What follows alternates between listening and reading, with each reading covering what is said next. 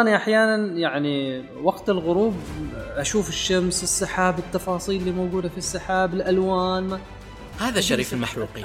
إنسان تقدر تقول عنه بتاع كله. تريده في صناعة القهوة حاضر تريده في النجارة أيضا موجود وحتى في الحدادة صاحب فلسفة عميقة ومتأمل جدا. أنا أعتبر الجمال ما فقط في الشيء البصري ولكن أعتبر الجمال كل شيء أنت يعني قادر أنك تجذب انتباه شخص معين أو آه، قادر تدهش.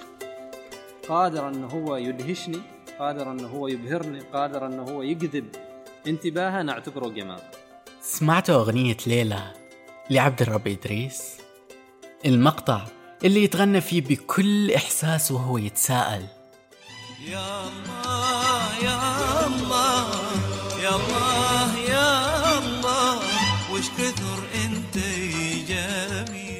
من إحساس هذا المقطع تحديدا. جاني تساؤل اليوم عن الجمال اللي كتب فيه مئات القصائد على مر العصور والجمال اللي تغنت فيه الأصوات العذبة بكل إحساس ورقة والجمال اللي ضاع منا في زحام الحياة والجمال اللي للحين ما حد اكتشفه ولا عرفه ولا توصل إليه. الجمال اللي حطوا له معايير ومقاسات وقوانين معينة جعلته محصورة في هذه القوالب الشكلية الجامدة الجمال يا أصدقاء إيش يعني؟ كيف هذه الكلمة الوحيدة تقدر تختزل آلاف من الصور والمشاعر اللي تمر أمامكم الحين وإنتوا تستمعوا لها وتتفكروا فيها وربما تبتسموا على إثرها لأنها ذكرتكم بصورة معينة عندما نتحدث عن الجمال في الأبوة يجب أن نتحدث في البداية عن النظرة المعتادة. النظرة المعتادة في تربية الأبناء أنهم يأتوا ثم نربيهم ونتحمل مسؤولياتهم ويأتوا أيضا بمتاعبهم الكثيرة. لكن الحقيقة أيضا أن الطفل عندما يأتي يحمل معه كماليات كثيرة. ستلاحظ أول حاجة بأنهم مثل ما أنت تربيهم هم أيضا يربوك. ويبرزون أجمل ما فينا نحن الآباء. التضحية والاهتمام والقدوة. هذه قيم موجودة سابقا نعم لكن قد تفعلها مع الآخرين وتنتظر منهم تضحية بالمقابل اهتمام بالمقابل. لكن مع طفلك لا. أنت فقط لا تريد منه سوى أن يعيش أجمل من حياتك وأن يكون أفضل منك. الجمال هو كل ما يبعث في النفس السرور.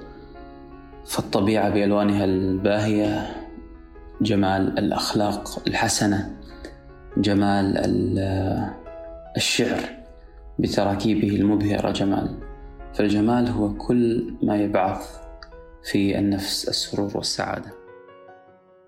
أحس الجمال آه هذيك الهبة الإلهية اللي الله يرزقنا إياها تخلينا نشوف ملامح من الجنة في الأرض.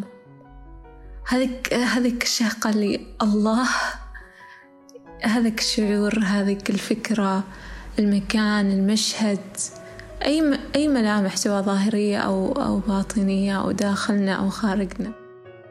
الجمال أنك تشوفها تدور وهي على الحديدة والنار تقيها من جهة واحدة. بعدين لما يصير لونها أحمر يجيك ذاك التركي ويقصها من فوق لتحت. أوف! بعدين يحط لك إياها في خبزة مع مايونيز والسلطة وتشيبس وصوص.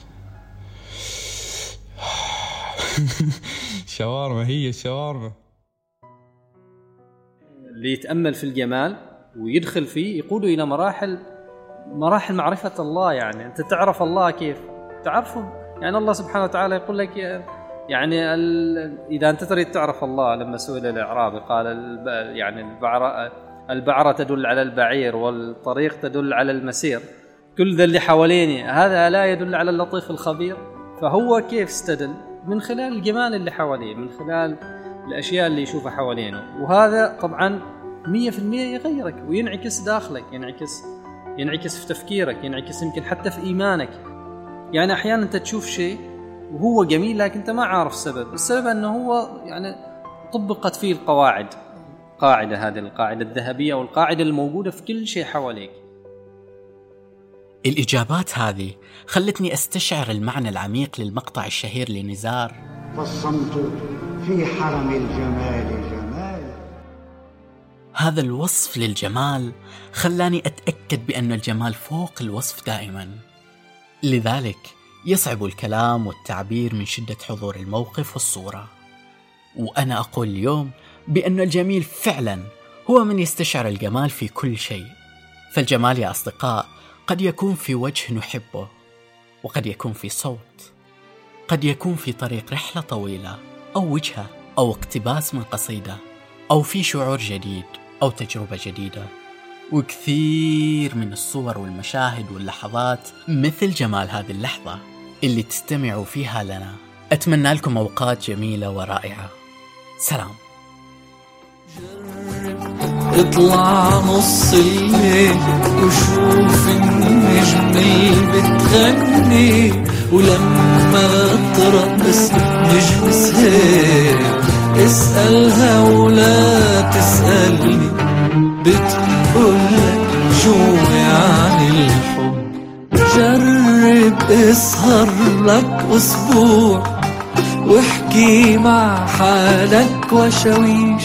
ولما الغرفة تفيض دموع وعيونك ما تسأل ليش جرب فوق العشب تنام وتحلم بالشمس شوي. ولما الغيبة تصير حرام وتغمر صدرك بالله